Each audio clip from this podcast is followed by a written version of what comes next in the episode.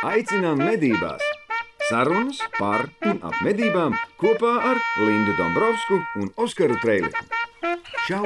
Garām!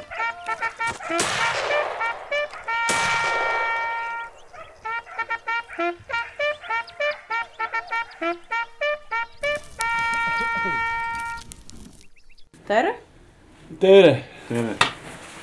Tere. braucot uz šito pusi, zona paz, pazūd un internets paliek lēnāks, tāpēc ka mēs netālu no Igaunijas esam. Jā, man viss kārtībā.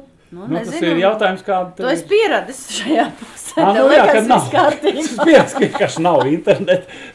Nē, es tagad paņēmu vēl uz laukiem rūteri atsevišķi, tad, tad man ir ātrāks process. Nu, tā ir, jā. Forši var paņemt rūteri līdzi laukos un viss kārtībā. Jā, nu, tā pavisam. Tieši tik vienkārši. Mums ir kura epizode, kāds atcerās? 204. Mums ir, 200. mums ir 200, 204. Mums ir 204. epizode. Šis, šī epizode ir sadarbībā ar Medību saimniecības attīstības fondu, kur viens no galvenajiem uzdevumiem ir mednieku izglītošana. Un šodien mēs runāsim par aļņiem. Oskar, Alnis. Tēma. Īstenībā tēma, par kuru mēs eh, esam daudz, daudz, daudz dikti arī runājuši, bet vajadzētu runāt vēl vairāk un vēl vairāk, jo man liekas, ka mednieku tādā sabiedrībā vēl nav nosakņojies tas, kā, kā vajadzētu pareizi medīt alnu, lai mums viņš vispār principā būtu. nu, jā, nu tādēļ varētu iepazīstināt ar mūsu viesi. Tas Un- ir ne, mēs esam ciemos, iepazīstināt? mēs esam ciemos pie Mārča, bet uh, viņš ir mūsu podkāstu viesis. Šoreiz. Jā, Mārcis Saklaus. Jā, Čau, paldies. pareizi izrunāt uzvārdu. Tieši tāpat kā vieta, kur tu brauc medīt, ir saklaura purvs. Saklaura purs, jā. Jā, tieši ziemeļpurvi, dabas liegums, natūras teritorija. Tā kā nezinu, kurā paudzē aborigēns vietējais ziemeļpusē, ziemeļlatvijā. Es tev varētu raksturot kā tādu nu, kārtīgu mednieku, jā, zinām mednieku, bet man personīgi tu esi palicis atmiņā ar to, ka tu ļoti rūpējies par alni. Jā, un, un es tā kā jau tur apēdis, man liekas, kaut kādu pudu ar sāli, pētot aļņus un saprotot par un ap alni. Nu, man tā šķiet, tas tā varētu būt. Kāpēc tas tā ir? Kāpēc alnis? Zin kā, nu, mums ir stalbriedis, flagmanis, zin kā pats saprot. Tieši tā. Tev arī ir tur rādījis tās trofejas, kas tev ir, bet Alnis, Alnis man liekas, ka man tā šķiet, ka Alnis tev ir primārs. Tuvāks sirdī. Tuvāks sirdī, jā. Kādam tā rūp ir jāņem? Kādam tā rūp jāņem? Šī vispār ir otrā epizode, droši vien. Jā, gadu atpakaļ. Un tā uh, bija uh, otrā labākā aiz Jāņa Pūteļa. Paldies jums! Jā, lūdzu. Šogad šī sezonā centīsimies labāks rezultāts sasniegt, jā, bet, uh, bet Palni, nu jā, tas stāsts ir, uh, tā stāsts ir uh, divas pasaules. Ir. Es domāju, kad jūs atbrauksiet un prasīsiet, uh, kas pa šo laiku ir noticis, cik laiks ir pagājis. Līdz tam mēs vēl tiksim. Mēs vēl teiksim, mums gads ir. Mēs tu apmēram gadu Līdz iepriekš tiksim. pie mums ciemos. Nē, vienkārši tā, ka ne- nevienmēr, zin kā, mums tie cilvēki nāk un mainās. Arī tie, kas Jā. klausās mūsu, skatās podkāstu. Ja? Vieni tagad ieraudzīs tevi, varbūt pirmo reizi, Pirmo no, obligāti noskatīsies iepriekšējo epizodi ar tevi pirms gada. Un tad mēs visu savilksim kopā, un būs, nebūs divas vienādas epizodes, bet būs nu, kā turpinājums. Jā, es kaut ko esmu jau iepriekš teicis, stāstījis, vai ko saka, stop, šito mēs zinām, stāst jaunas lietas. Ir daudz ko stāstīt, cik ir laika rāms. Droši vien būs arī trešā, varbūt epizode, ja jūs gribēsiet dzirdēt, gan jau. Droši, droši. Mums laika rāms nav, nav jau radio, tā teikt, Nu, televīzija. Nē, nē, bet atbildot Oskaras tev jautājumu, man tas sauns uh, interesē. Uh, man ir sanākusi iespēja uzaugt vietā, kur uh, Alnis dzīvo. Ir dzīvojis, uh, brieži nedzīvoja, tagad dzīvo. Un uh, ceļojot apkārt pa Latviju un arī citām zemēm, sauns ir uh, nu, redzēts vienmēr. Tā interese ir to, kā aizsmiltīs. To nospied un paspārdīt, un paskatīties, kāda tā pēda ir un kur viņš ir aizgājis, kāpēc viņš te ir aizgājis pāri. Un, un arī nedaudz pētniecība tam lietām man ir saistīta. Un, uh, nu, jā, nepārtraukti sekoja līdzi, kas pasaulē notiek Es domāju, vidējais mednieks Latvijā mm, nu, ga- gana maz zina par to, gana maz par mums to dzīvnieku.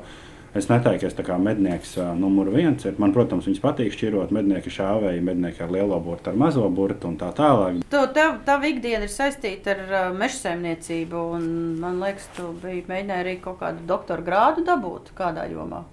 Uh, Meža zinātnē. Meža zinātnē, jā, nu, pēd, nu, principā darbs sarakstīts pagājušajā gadā ir divas Q1 līmeņa publikācijas, tā kā nu, pasaules līmeņa publikācijas ir. Uh, un, uh, nu, ne par to ir, bet jā, apmēram tas, tas rāmis, kādās lietās noteikti, man ir skaidrs. Un, Mežā sanāk dzīvot nedaudz, bet daudz vairāk pie datora skatīties, kā tie procesi notiek attālināti. Kad tu būsi doktors? Kad, kad Kad būšu? tev doktors būs? Kad tas nav vairs nav atkarīgs no manis. Kā, nu, Publikācijas ir Publikācijas ir, darbs ir jau sarakstīts, viņš ir jāiesniedz iekšā, lai iet to administratīvo procesu. Kā, kamēr tas izies cauri, nu, tad arī būs. Ļoti labi. Oskar, parādi Mārcim to fotografiju, par ko mēs runājam. Es to bildi jums publiski rādīt nedrīkstam. Nedrīkstam, jā, bet Mums nav eh, saskaņojuma, bet mēs parādīsim Mārcim. Un, uh, par, O- Oskars cepās vienkārši vaiprātā. un mēs gribam piefiksēt Mārķa seju, tad, kad viņš to bildi ierauga. Un eh, tā es līdās. Tā. Jo runa ir par to, ka kādā kolektīvā X tika notika aļņu medības, ko viņi nosauca par uh, selektīvām medībām. Un ka tas ir baigi forši, baigi super. Vienas medības. Vienas medības. Vienas medības, tev parādīšu. Un, nu, Tas jau pūš. apskaties. Šo bildi redzēju ar tekstu, ka tā esot no Igaunijas atnākusi. Ja Jā. jūs varat precizēt, kur tas ne, jūs nedrīkst teikt, bet tā ir Latvijas bilde. Ja? Nu, tur, kur atsūtīja no Latvijas, teica, ka kaimiņos, bet Kaimiņos. tur, bet Un, tur eh, tic man, Igaunija, Igaunija ir ļoti tālu. Tur ir tuvāk Tā Lietuva. ir, tā ir tas, ko es stāstīšu, vai droši vien ne šī podkāstā, bet par to es nedaudz pieminēšu. Kad mums ar Igauniem ir viens aunis. Ne, ne man un kaimiņu kolektīvam, bet mums pat ar Igauniem ir viens aunis. Mums ir ar, ar Igauniem Viens un tas pats. viens un tas pats auns, mums par viņu jārunā, bet mēs tikai teicam, ejam cauri jautājumiem un tiksim līdz tam. Uh, šāds bildes, līdzīgs bildes esmu redzējis. Uh, nu, es varu raksturot, šeit ir vairāki aļņi. Aļņi ir nomedīti ļoti agrīnā vecumā. Bulīši ar maziem raziņiem, uh, kur, ir, uh, kur viņiem augt un augt un augt. Te viņi visi ir pārvērsti kotletēs. Tā kā Un arī, nu, teiksim, arī es, es, par to, es par to nelielu negausumu. Ja? Nu, pasties, tur ir zin, tāds Cik iespējas, tur ir aļņi kopā? tur ir 1, 2, 3, 4, 5, 6, 7, 8, 9. 9? Vai tiešām, ja? Vai 10? 1, 2, Pietiekoši. 3, 4. katram pusauns no tiem večiem. 9. Un tur ir cik 11 cilvēki. Jā, pietiek. pietiek. Pie, pietiek, Sezon- sezonai pietiks. Un kas būs pēc tam? Un tas teksts, jā, nu, kad Bet, uh, kaimiņu selektīvās medības. Kaimiņos selektīvās medības. tās bildes līdzīgas esmu redzējis. Un, un, Bet labi, labi, es saprotu. Jautājums parastajam medniekam. Fantastisks medības. Deviņi aļņi nokrituši. Nu, Par ko super. ir cepiens? Par ko ir cepiens? Nu, gaļa ir gaļa. Nu, Alnis taču staigā tālu. Mēs viņu nenomedīsim, kaimiņu nomedīs. Nu, Cepiens tur nav, tur viss ir normāli, viss ir kārtībā. Tā medījām, viss ir ok. Jo mēs mednieku sabiedrība neesam vienojušies par vienotu mērķi, ko mēs gribam. Tiem čekiem viss liekas ok, citiem arī liekas ok. Citiem Un tad- nē. Un tad, ir, un tad ir tas, ko es gribēju sarunu vispār sākt. Ir kaut kāds labais stāsts, ka cilvēki man zvana, sūta ziņas, sūta bildes. Un katrā, es teikšu, es, es nezinu, protams, precīzi matemātiski, bet katrā kolektīvā vai reģionā ir puiši, vīri, mednieki, kuri ir, teikšu tā, neatkarīgi no vecuma. Ir jaunās paudzes mednieki, kuriem šis jautājums rūp, un viņi grib pieķerties tam jautājumam, bet tas notiekas pilnīgi visā Latvijā. Es varu teikt, Lūdza, Kuldīga, Aizkraukle, Limbaži, Ogre, vēl es nenosaukšu vietas Valmiera, kas puiši apkārt pa teritoriju, kas savās grupās cepās par šiem jautājumiem, risina, ir dažādi varianti, bet tie visi ir lokāli. Tas nenoklāja tā kā Latvija pēc vieniem principiem visu. Un turpat blakus ir šādi varianti, kur kauja šauja aļņus, kā nāk, to kniepj, un nevis vispār neskatās, ko viņš tur Jo, dara. jo runa ir par to, kāpēc mēs sākām runāt par Alni pagājušā gadā. Jo pirmkārt ir kolektīvi, kur Latvijā aļņus praktiski vairs neredz. Nu, labi, ir platības, kur var nomedīt deviņus aļņus. Un ar ko mēs, ko mēs sākām pagājušā gadā ar Mārci runāt, kad tu sevi nosauc par aļņu advokātu. Par to, ka principā Latvijā vidējais uh, nomedītā aļņa vecums nav vairāk par četriem gadiem, runājot par buļļiem. Mums nav datu, bet Zviedrijā ir datu, kad uh, aņu buļļi uh, 5 gadus, tieši aņu buļļi 5 gadus sasniedz 5%. Arī viņi un arī Somi šauj, šauj, šauj, bet tas ģenētiskais fons apakšā viņam pietiekoši liels, ka viņiem tas skaits ir lielāks, ka tas tie eksemplāri dabū tie 5% izvilkt, un tad tur ir tie pāris tie skaistie ragi. Bet konceptuāli arī viņi tieši tāpat kā mēs šaujam, šaujam. Divnieciņas, trīnieciņas, un, un tas ir rezultāts. Un tā problēma, lielākā problēma ir par to, ka visi sūdzās, ka trofejas ir mazas, mums Nav. nav, nav vispār nekas, un motoroleri kaut kādi nokrīt. Un, ja kādreiz gadās nomedīt uh, alni 10 un 10, tad tas ir uh, nacionālā mēroga sensācija. Cilvēks bez mazai tādu ieraugot, aiziet uz sirdi, pārspīlējot, bet nu, tas ir kaut kas. Tu pirms mēs sākām runāt, parādīji divus ragus, kas reāli raksturo to Latvijas situāciju. Uh, man viens kaimiņš, Oskars, tos var paturēt. Viens kaimiņš man atstiepa, šie ir viena aļņa mednieka trofeja muša. Ir nomedīti vismaz zinām, kaut 50, 60 aļņu mūžā, un te ir rezultāts. Šāds stāsts un uh, līdzīgs rezultāts esmu redzējis uh, gana daudz, uh, kur ir nomedījuši vīri pat pārpa simts aļņiem. Lielākais ir 3-3 žuburīši. Jo mēs te arī, lai tie, kas mūs klausās un neskatās video, viens ir maziņš, Jā. divi un divi. Ausu garumā. Jā, Ausu ausu garumā, es gribēju teikt jā. līdz ausīm. Ausu garumā divi un divi. galiem. Un otrs ir bišķiņš lielāks, trīs un divi. Nu, tāds. Kādā žurnālā sen atpakaļ bija viens vīrs, laikam, to atkārtošos, bija ierakstījis, ka no kurzemes Linda, man liekas, pat intervēja, ka viņš teica, ka viņam sapnis būtu nomedīt 2-2 vai 3-3 ālni. ka Tas ir viņam sapnis kurzemē nomedīt. Kaut ko vismaz dabūt. Jā, tāpēc Latvijas situācija ir dažāda. Uh, divas lietas, ko uzreiz varbūt pārlecot tēmu, ieviesīs korekcijas. Uh, būs dzelzceļš, deviņas pārbrauktos, deviņas dzīvnieku migrācijas vietas tikai būs. Un vai tās alnē funkcionēs, to mēs nezinām. Un otra lieta šobrīd būvē aplociņu uz Baltkrievijas robežu, kā arī mūsu meža zinātnieks uh, Jānis Ozoliņš teica. Beidzot, būs jāsāk pašiem tie, kā teica, desmit, desmit audzināt, Ne. jo tie visu laiku. Silenē lūdzā ienāca, nokāva un teica, o kāda mums aļņi. Patiesībā tie ir Baltkrievijas pre- prezidenta administrācijas mežos uzaugušie. Labi, ka Baltkrievija vairāk uz dienvidiem, kāpēc viņiem ir tās trofejas? Tāpēc, kad pie paša robežas ir prezidenta medību saimniecība, kur ir ļoti strikti noteikumi, un viņi vienkārši ļauj tiem aļņiem izaugt. Tik vienkārši. Tad tas nozīmē, to, ka Latvijas trofeju nesamības vienīgā problēma ir, ka neļauj trofejai izaugt. Precīzi, precīzi. Neļauj alnim izaugt. Mēs nevaram runāt par selektīviem principiem, lai gan mēs pieminēsim, ko mēs jau šodien varam darīt. Uh, mēs nevaram tos aļņus šķirot, nezinot, kādi viņi ir, neļaujot viņiem izaugt. Tikai kad jādod viņš ir izaugt. jāļauj izaugt, un tad tu redzi, kas notiek. Ir divi, divas lietas, ko mēs pieminēsim, ko mēs varam darīt jau šodien. Šā garām jaktei būt. Ja mednieks, mēs esam atpakaļ no pauzes, ja mednieks mežā ierauga šādu te maziņu lāpstiņu, četri žuburi, kaut kas jau pēc lāpstas izskatās, salnim uz galvas tas izskatīsies pietiekami iespaidīgi, viņš būs absolūti laimīgs. Un šitais tā mazā lāpstiņa četriem žuburiem, es pieņemu, ka nav baigi veca. Ja mēs paskatāmies to kauliņu, viņš pavisam maziņš ir. Viņš bija pirksts tiesā. Viņš ir jauns dzīvnieks. Viņš līdzīgi tai pārējai tai radziņai ir. Reku šo pašu paņemam. Paskatīsimies. Šeit eksemplāru bija iespēja medniekiem nezinu cik reizes nokaut. Viņi viņu pasargāja. Tas ir pagājušā gada raksts. Dzinēja medībā salnim no pakaļ gāja, dzinējiem nokrita priekšā. No pakaļ gāja, paņēma, palaida viņu garām. Mm. Un uh, tas salnīts ir nofotografēts.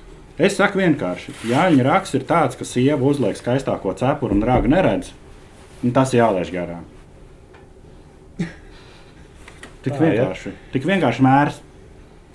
Ja uzliek kaut cepuru, tu to Tā kā platmāla drīzāk ne jau, Jā. Jā. ne Jā, jau Oskara Kepona. Nu, man keponu uzliks, te jau tur viss varēs grabināt. Tā kā uzliek skaistu platmalu un to rāgu neredz, viss, tad, tad kas tie par rāgu? Nu, labi, atpakaļ pie tiem diviem pamatprincipiem, ko tu teici par selektīvām medībām. Ko tagad var darīt, ja, ja mēs visu laiku skatāmies tikai un vienīgi uz jauniem dzīvniekiem? Uh, te ir viena vien trofeja no pagājušā gada, viens onkulis nomedēja. Apraksta to tie, kas klausās. Uh, abās pusēs ir 4, 4 žuburi. Tur ir Uh, pieci un četri.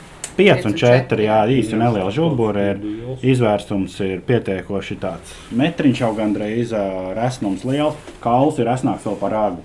Jā, jā, Kā pie galda, kur raksts piestiprinās, tie, kas neredz, klausās, nezinu, Spotify vai kā, ir resnāks un radziņš ir tievāks. Masīvi tā. Oskars ieraudzīja uzreiz, wow, šajā gan trofeja ir. Un tad Nu, tā. es teikšu tā, tas alnis ir apmēram uh, 8 gadi. Šim, jā. Šim ir 8 gadi apmēram. Uh, Mistiski viņš ir izaudzis, bet viņš ir izaudzis. Kāds O. gudrais bija? Gudrais, gudrais slīpētājs alnis, bet viņš te iekrita uz vienu onkoļu. Un, uh, bet stāsts ir tāds, ka tie ragi ir gaužām slikti. Gaužām slikti, viņi ģenētiski ir ļoti slikti. Uh, tā vecumā alnim jau jābūt tā kā reku, redzam, Lubānas pusē, vai kur, mm. kad ir jau ir, ir uh, lāpstiņas, vai tādas skaistas lāpstiņas jau ir, kad abās pusēs jau ir septiņi vai astoņi žuburi katrā pusē. Bet te uzreiz teiks, ka šitais jau ir tas briežveidīgais. tie Jā, precīzi. precīzi. Nu, Nu, tā pašā laikā šobrīd man te nav ko parādīt, bet uh, tāda paša vai jaunāka med, nomedīti dzīvnieki ir apaļrači ar tievākiem uh, diametriem, kur ir milzīgi grābekļi abās pusēs. Tagad šogad zinu par diviem buļļiem. Uh, tieši Ziemeļvidzemē ir. Nu, tie ir uh, ap sudraba. Sudrabs varētu būt abi divi. Protams, viņi nav mērīti vēl, bet uh, nu, pirmie izmēri saka to tā. Ko mēs varam darīt? Numur viens. Šī ir pagājušā gada trofeja. Stāsts, vesels stāsts arī kādas Tur ir divi mazi puķīši, tikai rozetes un kaut kāds Jā, centimetrus garš maziņš Roz- zariņš. Tās bildes, kas man tiek sūtītas ar tādām kamerām, šādi dzīvnieki nāk. Nāk, un tad uzdod jautājumu, mednieki, ko darīt. Iet, nomedīt un iztērēt nenoteiktu, un saņem milzīgu kritiku iekšēji kolektīvā. Kāpēc šāds te briesmots ir iztērēts, respektīvi, buļļa atļauja ir iztērēta.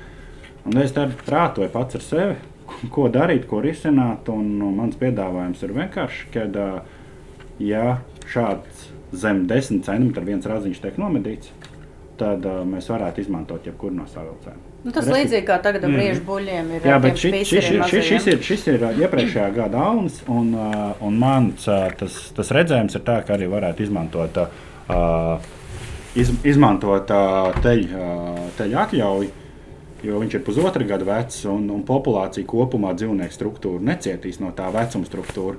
Vienkārši no populācijas tiks izņemta šie īpatņēra. Nu, jā, jo tad beigās sanāk arī absurds, ko mēs runājām iepriekš, pirms dažiem gadiem, kad sāka ļaut spīsers ar briežu govs atļauju medīt, kā taupā tos mazos neperspektīvos, jo negrib iztērēt buļļu atļauju. Bet uh, nedomā par to, ka šie mazie dīvainie ķēmi paliek populācijā, un uh, nākamā gadā, aiznākamā gadā, ja nebūs normāls džeks blakām, ies un darīs to, ko viņi tur dara, nodod to Jo viņš savu ļoti labi, ģenētiku. ļoti labi, labi, labi seko govī no aizmugures šeit. Viņam pietiekoši daudz laiks ir, un viņš nopasē to īsto laikovī. Un tie jau lielāki puiši, tie, tie nu, tādi. Kamēr lielie puiši jau ir beigti, tikmēr mazie izdara visu, ko Izdara, vajag ko izdarīt. vajag, jā, Un- precīzi. Un arī šobrīd, kad tā aļņu populācija būtiski samazinājusies, skaits, skaits ir samazinājusies, tad dzīvnieki viens no otra pietiekoši arī tāli, nu, tālāk. Tā, teiksim, tā, un, uh, tas laiks, kamēr tā, tā govs meklējas vai atrodas un atrod to būlīti, un tad tur, kurš pirmais tiek pie sprites, tur arī tā lieta noteikti. Tā konkurence ir nu, tiešām nu, mazāka. Un, Nu ko? Lādē iekšā! Pēdējos gados uh, ir dzirdēts, tā, ka valsts meža dienests runā par to, ka vajag medīt gan govs, gan teļus, gan uh, buļļus. Un tagad, kad uh, mednieki redz, ka tas uh, govs skaits, ne, bet aļņu skaits vispār ir samazinājies platībās, viņi atkal atgriežas pie tā, ka uh, govi nemedījam, medījam tikai būli uz nenoteiktu. Es redzu to tā, ka, ja nav buļļa, tad nebūs arī teļu. Es, tās jau ir sekas. Tās ir šobrīd sekas. Tā problēma, ko es uzreiz varu, nu, tā kā, nu, zin kā, visu cieņu valsts meža dienestam. Viņi dara ar tiem resursiem, kas viņiem ir. Tur pārmest viņiem nevar. Bet mums, medniekiem, numur viens pašiem jārūpējas par to dzīvnieku, kas ir mežā. Pašiem jāiet, viņš ir uzskaitīts, un pašiem ir kopā jāvienojas, cik mēs medījam. Tas, kas ir noticis trijos gados, rekrutā bilde, ko Oskars atsūtīja, trīs, četras gadus atpakaļ šāds bildes bija. Ne, nu, Daudz. Pietiekoši Ir skaitā. jā. Nu, jā. To sāņus es gribu teikt izkāvu. Un šobrīd vienkārši mednieki, gana daudz mednieku joprojām medīja arī tā sociālo laiku ietekmē, kuri uzskata, ka katrs, katra pēdējā atļauja ir jāiztērē. Viņi nedrīkst atstāt, ja jau valsts ir iedavusi, tad viņi jā, jāiz, jāizlieto. Ir, joprojām šī paudze medī, šauj.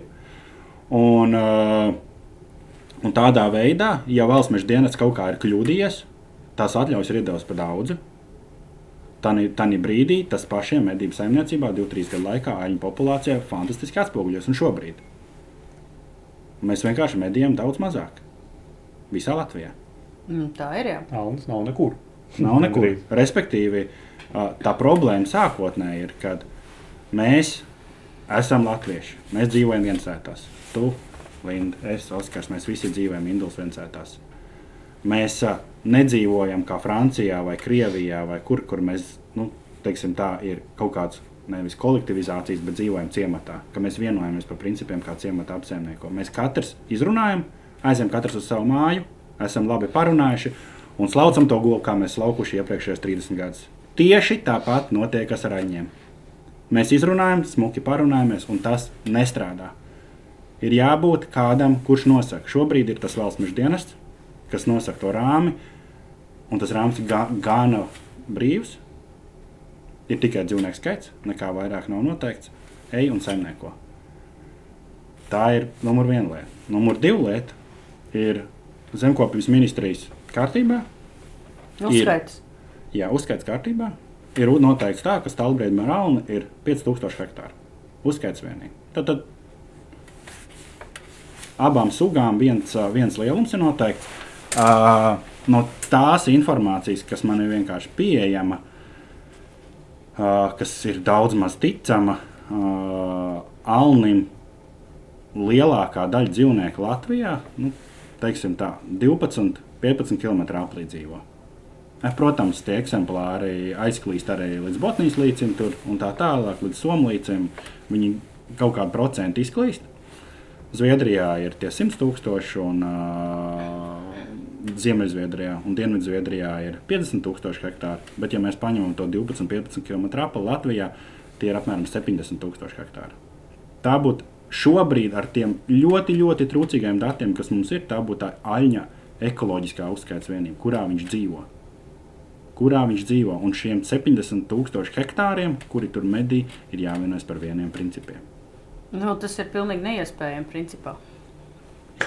Tā, Nē, saka, nu, bet kāpēc? Kāpēc? Nē, kāpēc? tā saka iepriekšējās paudzes medību. jā, jā, bet paskatieties, kas notika. Paņemam paraugu ar, ar stāvbriežiem. Mēs taču arī kā medījām to stāvbriežu, tā medījām. Tad Jānis Baumans faktiski ķērās pie lietas. Nu, tas man tā ir spilgti atmiņā. Un pa visu Latviju notika semināri, seminārs. Joprojām notiek. Ir izstrādāta kaut kāda sistēma, un kolektīvi sāk iekļaut šo sistēmu savos eh, kā iekšā medībās, saim- apsaimniekošanā. Tad jautājums ir, mums vajadzētu izstrādāt sistēmu, kur tālāk tu vari iedot. Pareizi. Jautājums, kurš to darīs? Nu, jā, bet atkal no otras puses, ko es redzu ar tiem pašiem stāvbriežiem, vairāk nekur pa velti aizbraukt, kaut ko nomedīt nav iespējams. Ja tu nomedīji nepareizi, tad tev tur uzliek līdz pat 1500 Nē, nu. lielu sodu naudu. Bet- Uh, tagad brauc uz komercmedībām, un Latvijas vairāk pie tām trofejām netiek. Uh, tos buļļus taupa un vēl kaut kas Nu, kolektīvi nu, ietvaros tu taču tiec. Nē, Tikai nu, ko- pareizi jāmedī. Nepareizi nu, nomedīja, neliels sodiņš. Un, labi, Oskar, nestrīd. Es tev vienkārši Jā, jā, es tev, nu, nu, es šobrīd es tev Jā, jā. saku to latviešu jā, jā, jā, jā. mednieka, to, to, to, to bērnu, sapratu, par sapratu, ko sapratu. viņi. Tev jau nav mani jāpārliecina. Es ne tev par to saku to, ka, ko tev cilvēki stāsta. Jā. Un tas viss, tā, tā visa tā medību saimniecība Latvijā rezultātā šausmīgi komercializējās, paliek ar vien nepieejamāka, dārgāka. Un sarežģītāka. Nu, tāpēc, kad cilvēks aizbrauc, tas vecais onkulis aizbrauc uz mežu, viņš stāv uz mastu, viņš pat nepaceļ plinti, tāpēc, ka viņam ir bail nospiest sprūda mēlīti, jo viņš var kļūdīties. Arī jaunie stāv un nespiež sprūda mēlītes, tāpēc, ka viņiem ir bail. Tā precīzi Linda to, to problēmu raksturo, jo to stāvbriedu mēģina pārdot. Alni nu, vietām mēģina pārdot, un uh, par alni ir vienkārši. Es esmu bijis medībās, kur saka, tāds un tāds stāvbriedis, veselu lekciju nolas no rīta pa stāvbriedu. Un alni, nu, kas nāk, to šaujam. Šaujam, vienkārši šaujam. vārdu tiešā nozīmē. Un tad es stāvu uz mastas, lūdzu, lai tas 3-3 man neiznāk. Jo, ja neizšausi, tad tevi tur noliņķos. Jā, tā kā, un, un, un, nu, tad, tanī, un blakus tam klubā, otrā klubā atkal tos 2, 2, 3, 3 vai 4, 4. Es domāju, žuburiņus. Reku. Nu, Jā, jā, jā. Jo ir mednieki, kuriem es stāstu, ka mēs tādu 2, 2, 3, 3, tur, kur medī, uh, nemedījām. Viņš prasa, kas ir 2, 2. Ko nozīmē 2, 2? Reāls dzīves piemērs. Konkrēti cilvēks man prasīja, ko tas nozīmē. Es saku, kā jūs klubā ir, nu, kā, nu, kas nāk, to mēs medījām. Vienkārši, ko Diana dod, to medījām. Nu, redzēju, bildes divas nedēļas atpakaļ medībās nokrituši 1, 3, 3, 1, 2, 2. Viņi neskatās, viņi ne, nedomā par tādām lietām, tā informācija līdz viņiem nav, un viņi medī nu, savā izpratnē. Tas ir normāli, tas viņiem ir ok. Varbūt Nu, man jā, jo vienmēr jau tas arguments arī par to ir. Nepaliekat uz mani dusmīgi. Es runāju par to, kā cilvēki domā. Nu, viņam, piemēram, ir galvenais medībās, ir gaļas ieguve, un viņam to trofeju nevajag. Un tad Nevajag. saka, tur jau tie trofejnieki, un tad viņi tur, ā, es jau trofeju ēst nevaru. Un trofeju medības vispār pēdējā laikā arī pasaules mērogā ir ieguvuši ļoti negatīvu, viņi sauc, tēlu. Nu, tad beigās sanāk tā, nu, tad, nu, mēs tās trofejas nēdam, bet mums viņas vajag. Viņš medī gaļai, viņam ir viss ir labi. Nu, kā atrast to līdzsvaru? pavisam, pavisam vienkārši. Uh, es, kad saviem zviedriem komunicēju, viņi vienkārši saka, uzreiz Anglijas viņš pasaka, kāpēc tā ir medība. Viņš saka, ka meat consumption. Nu, tas ir arī galvenais Jā. arguments mums, medniekiem, uh, publiski runājot, ka mēs nepērkam veikalā gaļu. Mēs gaļu iegūstam mežā. gaļa. Viņš apgādā savus vecākus, viņš sievas vecākus apgādā, viņš savu ģimeni, visi bērni ēd alni. Visi viņi ēd. Vislaimīgi. Nu, vislaimīgi. Uh, zinātne arī to saka, ka uh, viens no kritērijiem, lai novērtētu aņu populācijas vitalitāti, ir ragi. Vājam dzīvniekiem. Vitalitāte izskaidrot cilvēkam parastajam, kas ir vitalitāte. Cik viņš vesels ir? Pavisam Cik vienkārši. Cik vesels tā, tā Cik vesela ir populācija? Cik vesela Jā. ir populācija?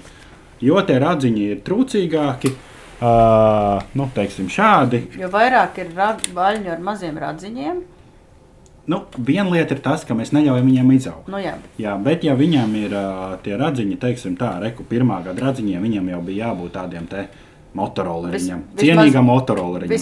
ausīm. Motorola. Auss garumiņam jau būtu jābūt, un viņi te nav.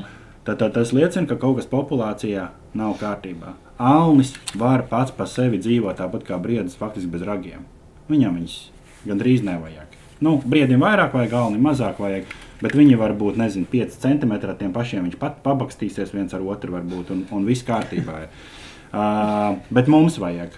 Un, uh, tos, tos rāgus, bet uh, tad, kad vienkāršais mednieks uh, atbrauc uz mežu, viņš redz, ka tādi rādziņi nav. Tad viņam jāuzdod ir jautājums, vai Alni viss kārtībā. Un tad, ja tu sāc lasīt, kas notiek pasaulē, tā ir Kanāda, tā ir Amerika, tā ir Norvēģija, ir visādas aļņu slimības, neiroloģisks, aļņi krīt, sprāksta. Uh, tā pašā Somijā. Uh, ar medniekiem runāju, viņi saka, šobrīd ir mistika, un vienkārši teļi teļus. Jau man liekas, iepriekšējais ar to teicu. Komunicē ar viņiem, nezinu, atbild.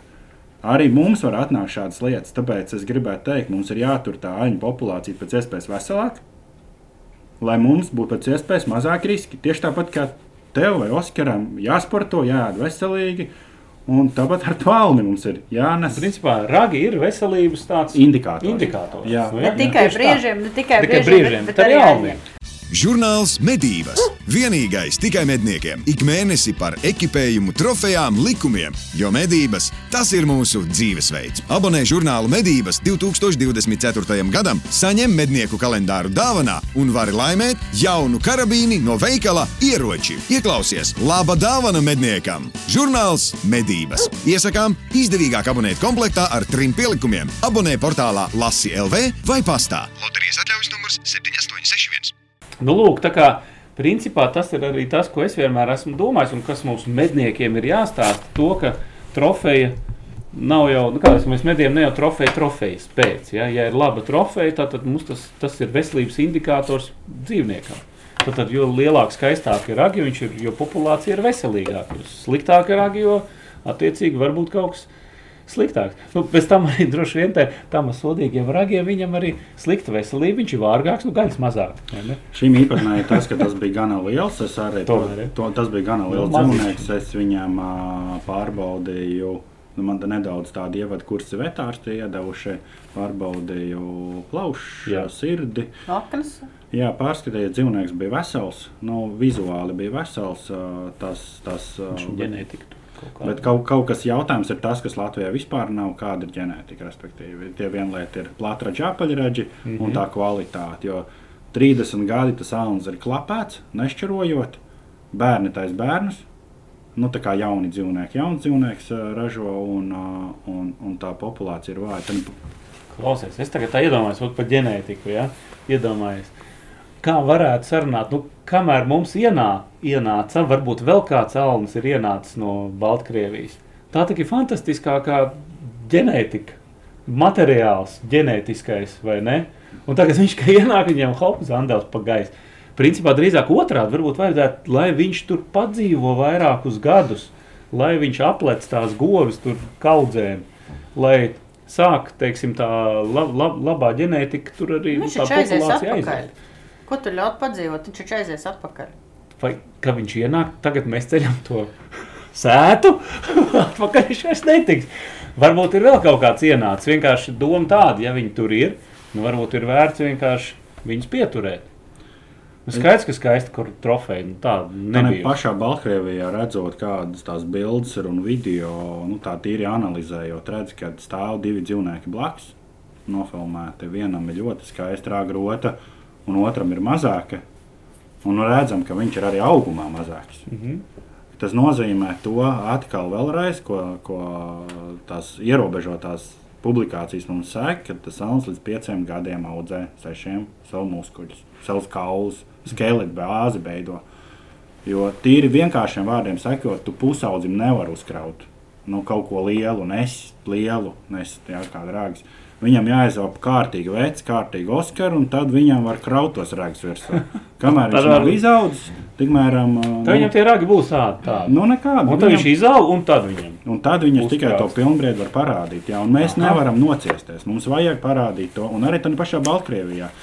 Tur jau, kur tie pārējie vīri medī, tur jau arī krīt tās mazākās trofejas, protams. Bet uh, tur, kur viņas piegriež kābekli un neļauj, viņam ļauj izaugt līdz tiem 11 gadiem, un tad tu Tāpat otrā pusē nokrīt tie 12, 12, un nu, arī daži eksemplāri Latvijā ir nokrituši. Nu, kad, kad jau viņiem bija tā iespēja ienākt. Un tas ģenētiskais materiāls no turienes ir ienākts. Bet es, uz, es domāju, ka kamēr vēl dzelzceļš nav, es domāju, ka arī saldu vai talsos ir iespējas izaudzēt to alni. Protams, tam būtu jābūt vismaz kaut kāda vecā novada robežās. Teiksim, pietiekoši lielā platībā, lai tie mednieki apkārt visi varētu vienoties. Lintēts tas nav iespējams. Es saku, tas ir Nē, iespējams. nu, ja var, var. Nu, Nu. Pieņem. Pas, pasapņosim, pieņemsim, Var. ir vienojušies kolektīvi. Tuvākā, tas, tas, nav, tas nav gada jautājums. Nē, labi, tas labi. Ir de, mēs runājam par kaut kādu desmit gadu. Nē, nē, es, tas ir jautājums, ko es stratēģiju. gribu uzdot. Jā, jā, jā jo, Es runāju ātrāk. Es, 30, es esmu redzējis, kā 30 gadu to alni kauju. Cik vēl gadus vajag kaut? Nē, jautājums, ko darīt? Nu, piemēram, mēs tagad vienojamies ar kolektīvu, man vēl, vēl pieci kolektīvi, vai cik tur mēs esam apkārt. vajag. Cik gadus nemedījām? Nē, vajag medīt. Medījām, kā ko medījām? medījām? Vajag, vajag medīt. Vai uz pauzi noliek? Nē, ne, ne, nevajag, vajag medīt. Vajag iet mežā. Visiem ir kameras, visiem ir sālstabi. Skatāmies šādas īpaņas. Ņemam un strādājam uz viņiem. Šitādus te ņemam ārā. Jā, ir tādi. Neaiztiekam, ko neaiztiekam. Es, Šitādus neaiztiekam. jā, tos di, 3 un 3. Divi, divi, trīs, trīs. šitādas te, jā, Super. ir, ir jau vietas Latvijā, kur vienojušies arī par 5, 5, ka nemedī. Es pats esmu tādam 6, 7 uzmetis cepura galvā, ja var tā teikt. Jā. Priekšā grozījies, man tās trofejas tādas nav vaļņa. Mm Mhm. -hmm. Klāt esmu bijis visādam, bet, bet nu, man kaut kā nav bijis tos iekāriens nospiest tādus te draugus, lai viņi dzīvo. Nu, jā, 5, 6 gadus atpakaļ, kad mēs par to tik ļoti nedomājām, tad, Nu, bet- tad nomedīja, bet tagad a- kas tad notika pēdējos gados? Kur tie aļņi palika? Nu, Jo mums jau ir limits bijis. Mēs jau medījām noteiktā limita ietvaros. Mēs atgriežamies pie tā paša jautājuma, kad ir uzskaita. Nepareizi uzskaita. Ja algoritms, tas, kas šobrīd ir aprēķināts dzīvnieku nomedīšanas apjoms, ir ok, ir variācijas par ko koeficientiem, vai kur tie dzīvnieki staigā, piemēram, stāvbrieži, kur nav bijuši. Viņi ienāk, nevis piedzimst, jo algoritms ir būvēts uz piedzimšanas rēķina un nomedīšanas rēķina, nevis uz ienākšanas, ka tur ienāk 20 buļļi pēkšņi, un to algoritms neparedz. Tur ir, tur ir variācijas, kļūdas, es teiktu, viņas var labot. Bet pēc būtības algoritms ir labs. Ok, ja tu gribi samazināt to aļņu populāciju, ej pāri 30% nomedīšanas apjomam, ja tu gribi celt, ej zem 20% ap, nu, no kopējā dzīvnieku skaita. Bet tie izējas dati, kas ir dzīvnieku skaits, ir nekorekti. Mēs esam viņus cītīgi kāvuši, uzskatījuši, ka mums tie dzīvnieki ir 3-4 gadu laikā. Mēs attēlojamies pie tukšas silas. Man jautājums, ja vēlreiz šāda kļūda ir, Pēc pieciem gadiem, sešiem gadiem. Tad mums ir uh, nākamais punkts algoritmā. Tie paši meža īpašnieki, Latvijas valsts meži, kas tikai runā par to, ka ir postījumi un ir postījumi, viņiem pieaug postījumu skaits, viņiem pieaug izmaksas attiecībā uz repelentiem. Un mūsu podkāstā vienā no epizodēm iepriekšējām LVM pārstāvs Gunts Čepaniks pateica, ka Latvijā ir, var pietikt ar 500 ceļiem un suga kā tāda neiznīks. Jā, Guntim droši vien ir taisnība. Tā arī būtu noteikti. Viņš kā meža īpašnieks nu, pārstāv savus intereses, viņam par to maksā. Cepuri nosguntim. Arī pie 500 caļņiem mēs to populāciju varam menedžēt. Uztaisot pareizi vecuma struktūru, kur ir arī lieli īpaņi, kur ir jauni vidēji vecuma īpaņi, un no tiem 500 mēs katru gadu medījam 20%. Mēs tādā skaitā arī varam izaudzēt trofeju vērtu dzīvnieku, pat ja tie ir 500 pa visu Latviju. Bet te ir stāsts otrā pusē, kad ir meža īpašnieki, ir lauksaimnieki. Un tev ir limits, un ja tu savu limitu neizpildi, piemēram, tad tev sāk bija uzrakstītas sankcijas kaut kādas ieviest. Piemēram, tev ir jāsūta bildes Latvijas valsts mežiem, un tad tev ir jāatskaitās. Un, ja tev ir pārāk liela postījuma, tad tev var laust līgumu. Es domāju, ka tas stāsts ir vairāk šobrīd uz uh, briežiem, attiecināms uz aļņiem šādu. Nu, var būt lokāli kāds ir. Un uh, tas alns mīl ienākt uz divām, trim nedēļām vienā jaunaudzē. Te ir medniekam jāpiestrādā pie tā, droši vien ir, bet tad viņš to jaunaudzi sabojā. Skaidrs. Lielākā aņu populācija Latvijā bija 70. un 80. gados. Ir tā? Braucot, ir pagājuši šobrīd cik? 50 gadi. Vai jūs mežā redzat skaistu 50 gadīgu spriežaudzes? Redzam. Tātad mežkops ir spējis tās spriedzes izaudzēt pie super augstas sāļu populācijas blīvuma. Kad šāds bildes par deviņiem, desmit aļņiem, tā bija pilnīgi normāla lieta. Pilnīgi normāla lieta. Ziemeļvidzemē vīri neviens vien, tad viņi to rekordu skaits ir sasnieguši, 100 plus aļņus savā karjerā nomedījuši. Priedi varēja izaudzināt bez šiem super repelentiem, kas ir. Skaidrs, ka man kā meža īpašniekam arī redzot, ka man. Uh, spriedi bojā alnis, viens vienīgais. Man gribas ar viņu strīdēties un teikt, te tev nav vietas, bet tai sugai arī jābūt vietai. Un te ir numur viens. Tieši tāpat kā ar dabas aizsardzības platībām uh, Latvijā. Kad meža īpašnieks saka, ok, novienojamies, cik hektārus mēs aizsargājam, un pārējie ļaujam saimniekot. Un te mēs arī novienojamies. Varbūt mums ir nepieciešams novienoties ar meža īpašniekiem un arī lauksaimniekiem, kur varbūt alns aiziet uz rapsa, citreiz pēdu iemācīsies to, viņš ēst varbūt pat vairāk. Kad mēs sakām, tik ir normālais blīvums Latvijā un ļaujam mums saimniekot tik normālajā blīvumā.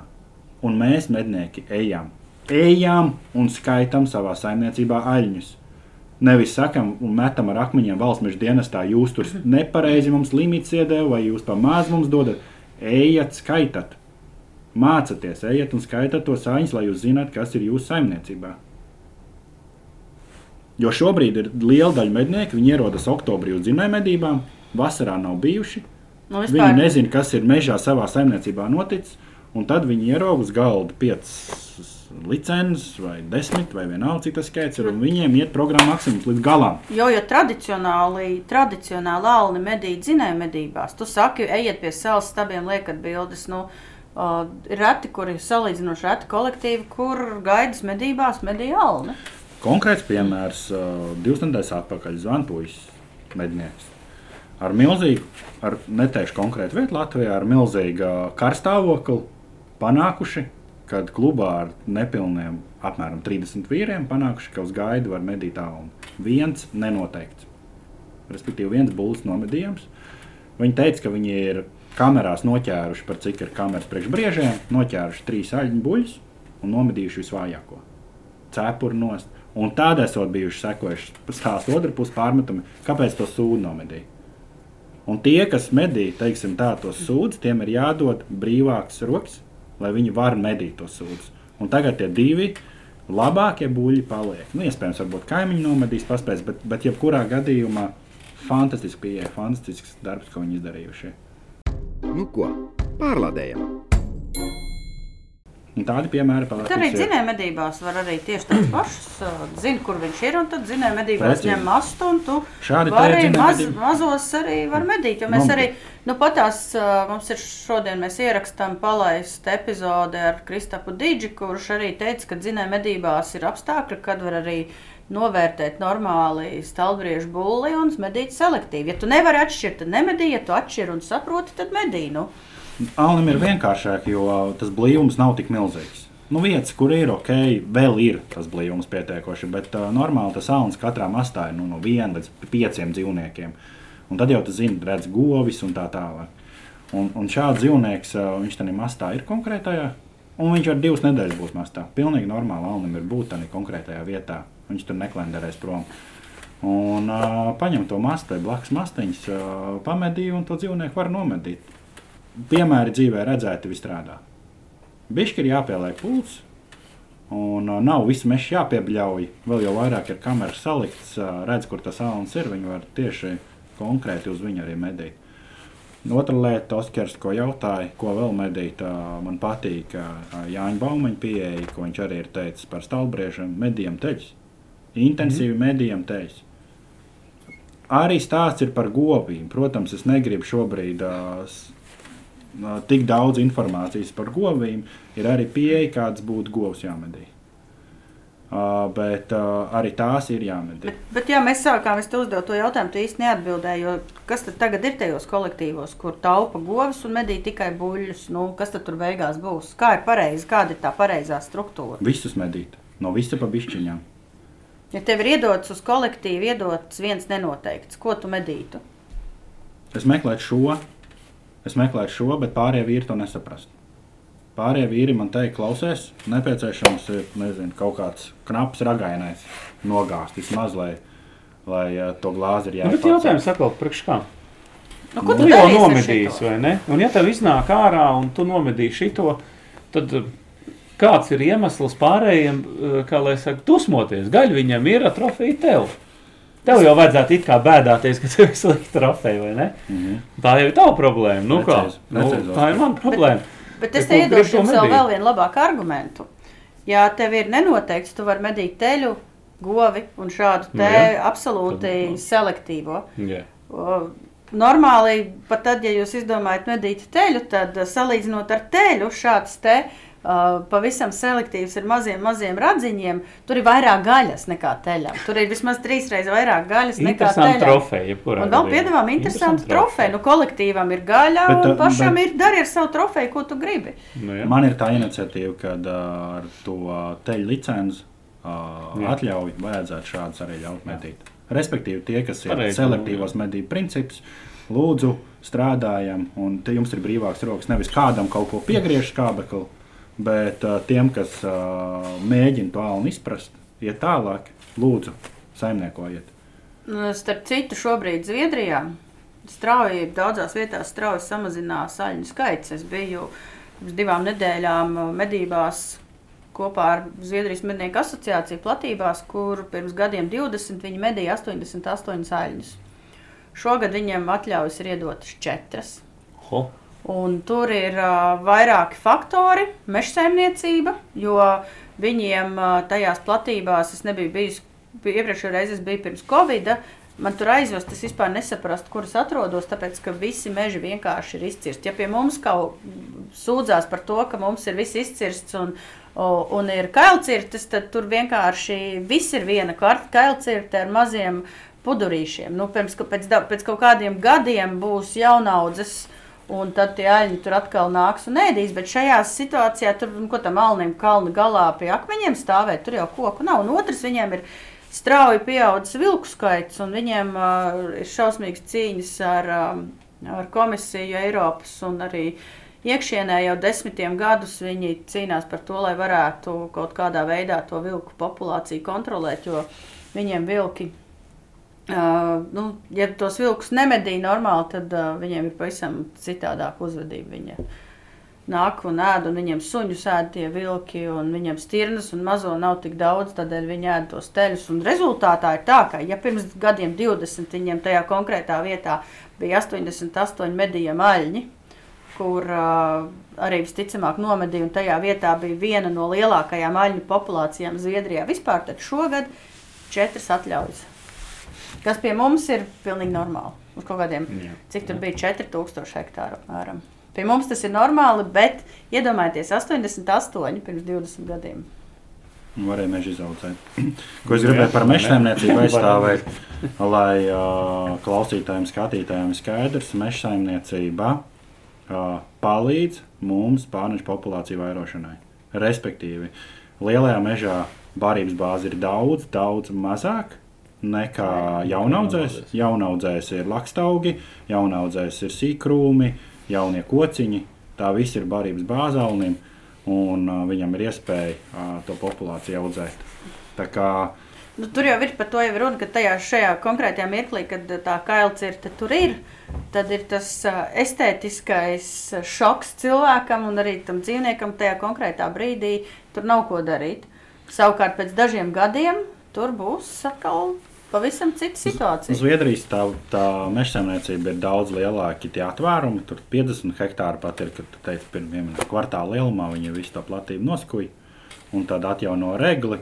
Un, uh, un tad viņi intensīvi kopja arī to egli, kad uh, nav, koci, nu, nav tas, tas blakus kociņš, ko viņam apēst. Mums vairāk ir mozaīka veidā, tie atvērumi ir līdz diviem hektāriem, kur ir lielais mežs, ir vidēja vecuma mežs. Un nu, kaut kādi mednieki ir pārmetuši arī to, ka uh, tie paši nu, lielie meža apsaimniekotāji diezgan intensīvi kopja jaunaudzes, tā ka tam alnim nav barības bāzes, ko un tad viņš ieiet tajā mežā iekšā, un ko tad viņam darīt? Viņš aiztiek tikai to komerciālo sugu. Pirmkārt, tad Guns saka, ka viss ir slikti, manas spriedzes ēd nost, man jāmetērē ir miljoni, lai aizsargātu. Uh, mednieks saka, Alnim nav ko ēst tajā mežā. Tāpēc ir uh, droši vien te jau ir vieta arī diskusijai, kā apsaimniekot. Un, uh, Kādu laiku atpakaļ, es nezinu, kādas ir politikas pārējiem meža apsaimniekotājiem, kad uh, Norvēģijā redzēja, kur meitene arī disertāciju izstrādāja par uh, par apkodumiem aņķi, kāda alns, kā viņš ēd priedīts. Un arī jūs, kas ir meža īpašnieki, kopjot priedītas, ja priedi, pieņemsim, ir kaut kāda, nezinu, metru, pusotra metra augsta, nenotrimerējiet viņu līdz ar pašu zemi, bet paņemiet kaut kādā, nu, puskoku augstumā, nocērtiet viņu, lai meža kungs pus- du- dusmojas uz jums, ka jūs nemākat mežkopību, bet viņš veidos kā tāds kā barības galds, pušķus izveidos. Un tad māksliniekam ir kur ēst, nevis tur to priedu ar kaklu laus nost to divmetrīgo. Bet eh, tie barības galdi ir, kur viņš var atnākt. Tā Vienkārši būt. atsevišķus kociņus atstāt pusceļā, lai būtu. Jā, un tāpat ir ozols, tas pats, kas ir numurs viens rāga grīvēšanai. Uh, nenotrimerējiet viņus visus atstājiet. Un arī lielie meža īpašnieki grēko. Ielaiž iekšā tos uh, jaunauģu kopējus, nu viņi uzstājas tā kā grāmatā. Viss. Nu, perfekti. tā kā Viss ir tikai eglītes pa vagām, nekā nepaliek. Un tad jautājums ienāk iekšā tas buciņš, kur viņš tos rāgus var notīrīt. Loģiski, ka viņš to komerciālo egli. Tāpēc ir kaut kādas vietas, ir jāatstāj. Un tāpēc ir jābūt diskusijai. Es, protams, nepiekrītu tam gūnu skaitam par pie- 500 dzīvniekiem. Viņam jābūt daudz augstākam, bet tam skaitam ir iespējams ir, ir uh, reģionāli vismaz vidzemes, kurzemes, latgals līmenī ir, uh, ir jāvienmēr, cik daudz viņam jābūt. Ir. Pēc pauzes turpinām. Nu ko? Lādē iekšā! Iepriekš ļoti cītīgi klausījos, un noskatījos iepriekšējā epizodē. Īstenībā es redzu, ka šeit ir nepavēlties piesaukt arī Jānu Baumanu viņa semināru. Šo informāciju var sistematizēt. Kad tu viņu sistematizēsi, tam tā ir jājautā. Vai tu vari to izdarīt, uztaisīt šādu mācību materiālu, ar kuru varētu braukt pa Latviju un stāstīt medniekiem eh, par alni? Nav tādu materiālu. Tādu materiālu nav. Man viņš ir galvā jau. Viņš jau man ir. Uh, Vajadzētu izlikt. Vi- Es gaidu to brīdi, kad tas Ir, notiks. ā, ir jau vizualizācijas, ir jau māksliniekiem ir pārunāts. Tas prasa laiku. Tas ir pilnīgs mans brīvprātīgais darbs. ā, Tāpēc šobrīd ā, ar puišu palīdzību mēs mēģināsim iesniegt vienu lielāku projektu pieteikumu par Alni. Jo man visu laiku es dzirdu, kad kaimiņi nošauj, mēs jau neko, tik kaimiņi. Mums ir jāzina, cik lielā platībā konkrēti Alnis dzīvo Latvijā. Tātad mums aļņi ir jāuzliek siksnas apkārtnē. Ja Aha. mēs nedabūsim to projektu, jā, mums vajadzētu saprast viņa lokāciju. Ja mēs nedabūsim uh, to projektu naudu, mēs jau tā skatījāmies, mēs 14. gadā jau mēģinājām, jā, un tā ir 23. vēl joprojām mēs to dabūjuši. Ja mēs atkal nedabūsim, es, protams, gribu uzrunāt medību sabiedrību. Puisiem naudas ir.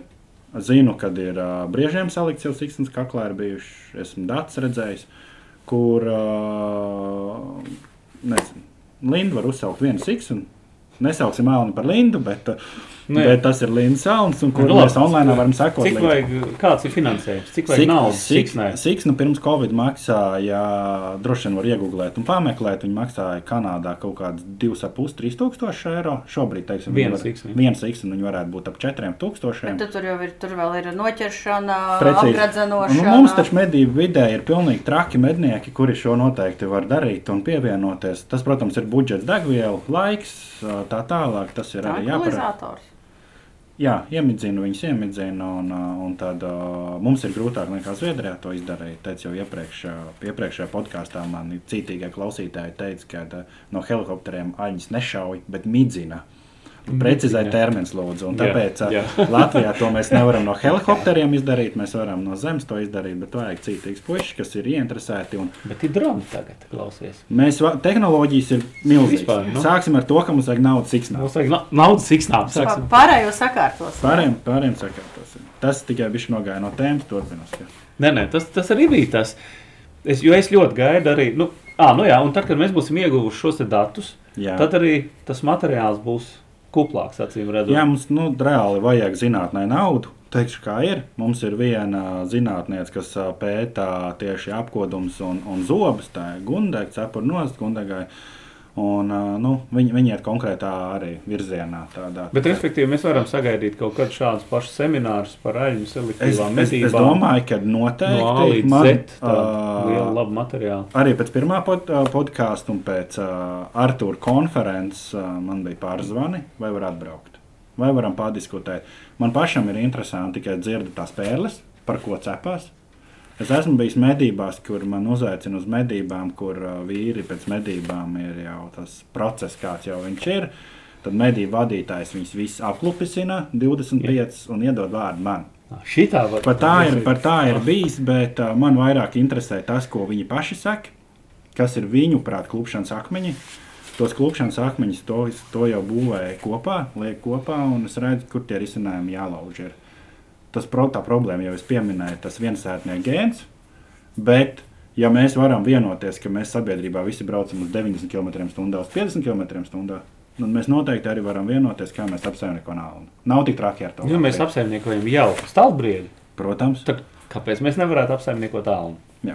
Tieši tik vienkārši. Nu, Stāvbrietis ir lokālāks. Nē, nu tie, jā, tie nu, tas- dati, tas ko, ko lielāks es esmu redzējis jā, Latvijā, kad jā. viņš dzīvo dzīvnieks, konkrētai dzīvo. ā, Nu, es par stāvbriedu negribu runāt, daudz gudrāk vīri, bet dzīvo ļoti ierobežotā teritorijā, un tad iziet ārā uz bauru kaut kādus kilometrus pats. Mm. -hmm. Un divas nedēļas atpakaļ, pēc divām nedēļām viņš ir atgriezies atpakaļ konkrētajā lokācijā, viņš dzīvo. Alnim tas mērogs ir plašāks. Nu, viņam pat lielāka māja. ir Viņam vienkārši. ir precīzi, Oskar. Ālim ir lielāka māja, bet mēs, mēs esam mednieki sadalījuši to māju pa daļām. Mm. Un tad mēs Nu, jā. mēģinām kaut kā viņu noperēt. Ja mēs to māju kopā neapsaimniekojam, tad ir figu. Un tas, ko es pieminēju ar Igauniem, kad tas Alnis šodien ir Rūjēnā, rītdien viņš ir Moisakulā kaut kur. Nu, viņš dzīvo tādā areālā, līdz ar to pašu. Ja mēs taupām, Igaunijas var nomedīt, vai Igaunijas taupa, un mēs varam nomedīt. Ja mēs apskatāmies izstāžu katalogus, kādi ir Igaunijā un kādi ir Latvijā, tur ir pārāki tie pārāki. Tie trofeja rezultāti ir pārāki jau ar gadiem, un tur nedzīvo cits. cits ā, Tas pats jau Tas pats precīzi. Tas pats Alns, kas ir Baltkrievijā, tas pats ir Latvijā, tas pats ir Igaunijā. Un kāpēc Baltkrievijā un Igaunijā ir labāk rezultāti? Retorisks jautājums, bet ir vērts aizdomāties. Pašiem Mm, Jā, Šāva garām, jaktei būt. Tagad mums ir uh, uztāpis jauns instruments, kas attīstās, uh, vēl uh, nav pabeigts. Ņemot vērā, ka mednis nav pabeigts un ir daudz nebūs lietas. Jau lamā, jau Ja, lamā. Ne, vienkārši tur vajadzētu šito, tur vajadzētu to, būs daudzas lietas, bet šobrīd ir tā kā pārējais process, jo nevar to vienkārši tik ātri uzbūvēt. Bet ko es redzu, ka daudzi kolektīvi ir pret medni un baidās uh, no tā, kāda tad beig beigās iznāks tā informācija patiesi ārā. Pakomentē bišķiņu par šo. Uh, pirmkārt, paldies tas, tie, kas ir attīstījuši medni. Uh, zinu, ka arī citās Eiropas valstīs ir līdzīgi projekti. Arī palaiž mednieki ir tie, kas ir. Uh, nu, kas grib iet līdzi laikam. Man liekas, tikko Igaunija arī palaida kaut ko Čehija līdzīgu. arī. Jā, tā kā viņi ir, viņi ir ritīgi priecīgi par to. Es zinu ļoti daudz mednieku Latvijā, kas ir par medni ritīgi priecīgi. Ir daudz, daudz mazāk tā procedūra, ir čikt un gatavs un tā tālāk. Bet, ja runājam par alni, kāpēc teicu, ka pirmkārt par medni vēl pabeidzot, ne jau mednis nav gatavs, tur ir vēl ko likt klāt, tur ir vēl ko būvēt, kas nebija starta doma droši vien. Es jau redzu tik daudz lietas, ko tam mednī salikt, ko tie būvētāji nemaz nav iedomājušies salikt. Un tur nav pārmetumi. Viņš vienkārši, vai tad Porsche kaut kad gatavs? Nav, viņas laiku būvē uz jaunu spriežu. Un attiecībā par alni, es domāju, ka cik precīzi ir kolektīvi šobrīd? Augsts pār par tūkstotis, nevaru, neatceros no. Tūkstots, un cik daudz šobrīd drīkst, ir parakstījuši to līgumu, lai iesniegtu? Mm, 100 20 uh, kaut kas. Tad, tad 23. un 24. gada medību sezona iedos patiesību stundu par šo paraugu kopu, kas ir vairāk kā 10%. Ja? Mm -hmm. Jā. Tas jau ir reprezentatīvi dati par Latviju kopumā. Un nākošais gads iedos par visu Latviju kopumā stāstu. Es domāju, ka būs tādi. Nu, Pastāstiet par, par no kā baidās. No, ko, kas tur būs? Ne, nu, es jau no nekā baigi nebaidos. Es tikai ieraugu, ne, no kā cilvēki baidās. Ko, mē, ko mēs Ko ieraudzīsim? Es Ko ne- tie 10% parādīs? Man liekas, tas, par ko tu runā, ir tas, ka neļauj smaukties. Un vienmēr ir tas latviešu atkal viensētnieks gēns, ka tas vācu muškungs viņam kaut ko ne tādu izdarīs, vai ne? Viņi kontrolēs. Tā ir bijis paudžu paudzēm, 200, 300 gadus. Nekas nav mainījies ar to latviešu. Viņam visu laiku jāštuko kā to vācu kungu apiet. Bet par, bet par Alni ir tas, ka uh, mēs redzēsim, ka vairs nav tās galda licences. Tas ir uh, nu, sezona beidzas, un tas alnis nav nokauts par alni. Līdz ar to pašu mēs redzēsim, ka faktiski, es gribu teikt, es mīnu, tā ir hipotēze, nav pierādīta. To mēs redzēsim sezonas beigās. Alnis tiek nomazīts mazāk patiesībā. Viņš ir mazāk gan mežā, gan uz papīra. Tas alnis ir mazāk. Mm -hmm. To mēs jau pirmos datus tagad gabūsim mm, februārī, martā, ne? apmēram, kad jau viņas apkopos. Varbūt. Un pēc gada vēl, pusotra gada, būs, būs pilnīgi patiesības aina. Ko es sāku smaidīt, ir par to, ka dažiem, ko es esmu dzirdējusi, ka dažiem tas um, gēns ir tik spēcīgs par to vācu muškungu, ka tad, kad uh, valsts meži prasa taisīt bildes, tad viņi nomedīja vienu alni un vie- vienu stalbriedi un uh, vadā viņu. Malači, malači, Madā malači. viņu Vadā. piekabē no vienas vietas uz otru Kaut un kā- noraksta atļaujas šādā veidā, kas nav labākā prakse. Bet uh, ir uh, latvietis spēja izdomāt arī kaut ko tādu. Ne, tā, tā, tā, tā, jau, tā jau nav slikta mūsu iedzīme. Tā ir pašsaglabāšanās iedzīme starp tiem lieliem kungiem, dzīvojot tos simtiem gadu, Zviedrija, Vācieši, Krievi. Mēs kaut kā esam izvilkuši. Ja, bet ar mēs jau tagad, mēs jau cilvēki jau nesaprot, ka tu pats savā mežā arī esi Tas saimnieks. ir, tas ir tas, ko sāksim to sarunu no nulles. Mums pašiem jābūt saimniekiem savā mežā. Mums viņi ir jāskaita, mums viņi ir jāfotografē, un mums viņi pašiem ir jāmenedžē. Ne, mēs tikai baidās, ka iedos mazāk licences. Saproties? Bet Ka nenomedīs tā, kā Bet, nomedīs. bet mēs jau to redzēsim, ka viņi nav. tagad redzēsim. Mēs, noteikti. mēs viņu Tad- redzēsim, kas nav. Tas ir tas uh, varbūt skumjš stāsts, bet, uh, bet patiesa stāsts. Mēs varēsim būvēt to stāstu uz priekšu, tos datus. Otra lieta, ko es redzu mednī, mums visādi mākslīgie intelekti rīki top un briest, un viņi noteikti ir jāiet uz priekšu. Uh, dzīvnieks jānofotografē no ne? Ir tā precīzi. Nu, Nē, nav, vienkārši jānobildē. galva. Jāredz Jā, galvu, lai var- Respektīvi, kaut kādā veidā to rāgu rotu mēs redzam. Jā. Respektīvi, nomedījot būli, es nevaru nokristīt viņu par govu. Par Līdz to ar- arī tas ir arī tas, no kā cilvēki baidās. Jo, Jā, Ā. par govīm to, jā, to mēs arī varam pieskarties to jautājumu. Bet tagad, kad uh, varbūt mums būs jālūdz medniekam kaut kādā brīdī, lai viņš to ragu rotu nofotografē, teiksim, pretēji, nevis slīpi, lai kaut kāds mākslīgais intelekts viņu var analizēt, vai kāds students var analizēt un saprast un uztaisīt kaut kādu matemātiku, kāda te ir atziņa. Ir. Nu, jā, jo Francijā viņš šādā veidā uh, savāc kameru bildes un uh, put, putnu sugas analizē, piemēram, Jā. mākslīgo intelektu. Bet, ja, uh, ko mēs runājām vēl par tām bildēm, es biju vienā seminārā pavisam nesen, un uh, tur viens kolektīva pārstāvs teica, ka viņi nav parakstījuši līgumu par medni, lai izmantotu medni norakstot stalbriežus un aļņus viena iemesla dēļ, tāpēc, ka ja viņi uh, uz postījumiem medīja, piemēram, govs teļus vasarā, un viņiem pēkšņi nokrīt kaut kāds špīsers, tad viņi baidās no tām sakām, ka viņam. Jā. tagad ir jābildē, un tagad būs baigās ziepes. Bet tad man vienmēr ir prātā jautājums, bet ir taču tie 120, kas nebaidās un viņiem nekrīt. Bet tiem 120 arī baidās. Viņi baidās, ja ir šobrīd tā šitās. savilce, precīzi, jā, ir sa, savilcējs, nav tas nenoteiktais un ir tā govs. Šis dzīvnieks reāli tika nokristīts pa govi. Un tāda līdzīga stāsta ir. Un nokrīt tāda te govs. Un ko viņam darīt mednī? Ko viņam darīt? Respektīvi, tas ir tas mans pirmais priekšlikums, ka mēs šo ļaujam izmantot jebkurā savilcē, ja ir tā govs. Otra lieta, kas uh, man baida, tas, ka nevis baida, bet esmu dzīvē redzējis gana daudz piemēru, kur tie lielie aļņi izčākst uh, sezonas noslēgumā krīt bez ragiem. Respektīvi, tās lielās raga rotas vairs nav klāta. Mm. Par to ir droši vien arī jādiskutē. Ragi. Šis nav šī podkāstu jautājums noteikti, bet tas ir gana sāpīgs man. Kad uh, sezonas beigās nomedīja govi un ir nokrituši ragi, un viņam jās, būs jā, tā, tā ir numur viens. Otra lieta ir jāizmanto savilcējs īstais, nevis govs. Un to mednī Nu, tad, bet tad ir tā, te jau ir tas patiesības brīdis, tad, cik tad ir beigās ir šmaukušies un cik nav šmaukušies. Bet ko es arī uzskatu, ka, piemēram, šajā gadījumā, ja ir kļūdas, tad uh, paziņojot par notikušo valsts meža dienestam, nevajadzētu būt sankcijām. Nu, tāpēc, ka savādāk viņi baidās, Jā. ka tev paņems visu kolektīvu piekārs pie lielā zvana. Nu, medības tas nav, tas nav supermarkets, ka tu aizēji un tu izvēlies. Bet nav, nav tā kā iznāk aļņi, un tagad mēs izvēlamies. Kuru? Kuru no tiem visiem? Tas ir medību apstākļi, ir neparedzami. Nu, Tas-. Tev brilles aizsvīd, optika aizsvīd. Nu, šitais tev nāks dzinēja medībās ātrā Nu, nu, govs. Solī. Nu, govs, nu, zit nost, ja tu neesi visu Jā. Mūžu, tā kā tu bildēs vērojies un skatījies, ka tu pēc, jau pēc formas nu, vari pa gabalu Ja skries pateikt, garām, varbūt ar 5 metriem. Nu, man arī Tad- skrējuši tādi garām, tādi krituši kā govs.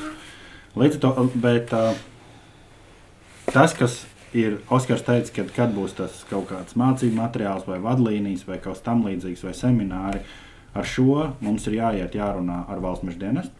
Kā to darīt, jo es pats arī konsultējos reģionālā līmenī, kur man teica, es prasīju, ko darīt situācijā, ja tāda notiksies. Jo, nu, ko tad mednīt tur improvizācijām mm. vietas vairs nav? Man atbildēja, iestāsies likumā noteiktā kārtība. Pat ja tu informēsi.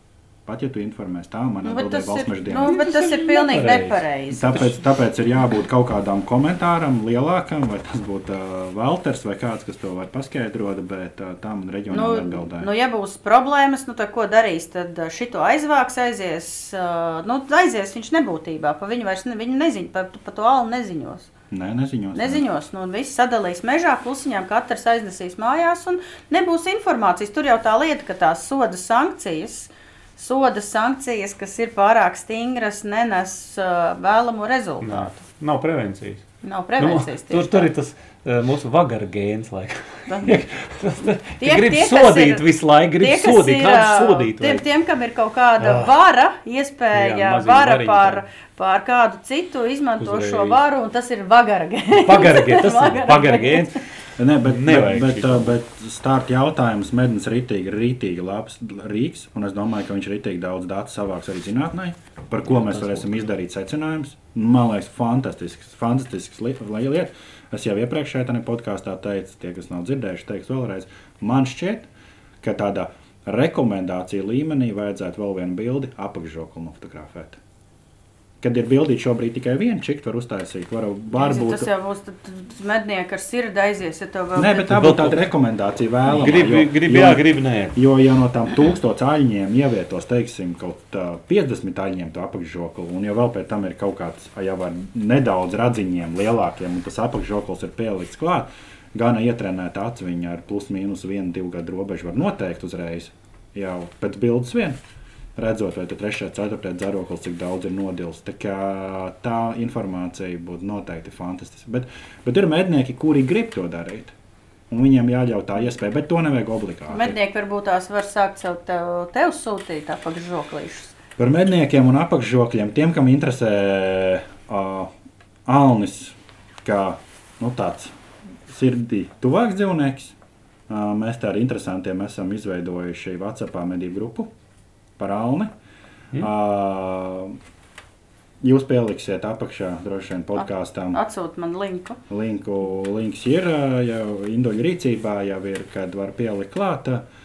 Uh, grupā jāpiesakās, grupā apmēram vieta jāpasaka, kur ir uh, cilvēki vai eksemplāri, kuriem uh, viss ir slikti un jums neizdosies. Tie var aiziet padzert ūdeni, jo ūdens ir garšīgs. Uh, tie tur nebūs vēlami. Mēs iesim uz priekšu, jo cilvēki ir gana daudz, kas, kas cepās, ņemās, Tas vienmēr tā ir. cilvēki, Bet kuri ir cepās. pozitīvi cepās? Pozitīvi cepās, kuri grib ar to valnu kaut ko izdarīt. Un, un, un, un tur noteikti būs, lai liek bildes iekšā. Man ir zinātniska rakstura informācija, ko, ko viņi varētu tik pa laikam likt iekšā.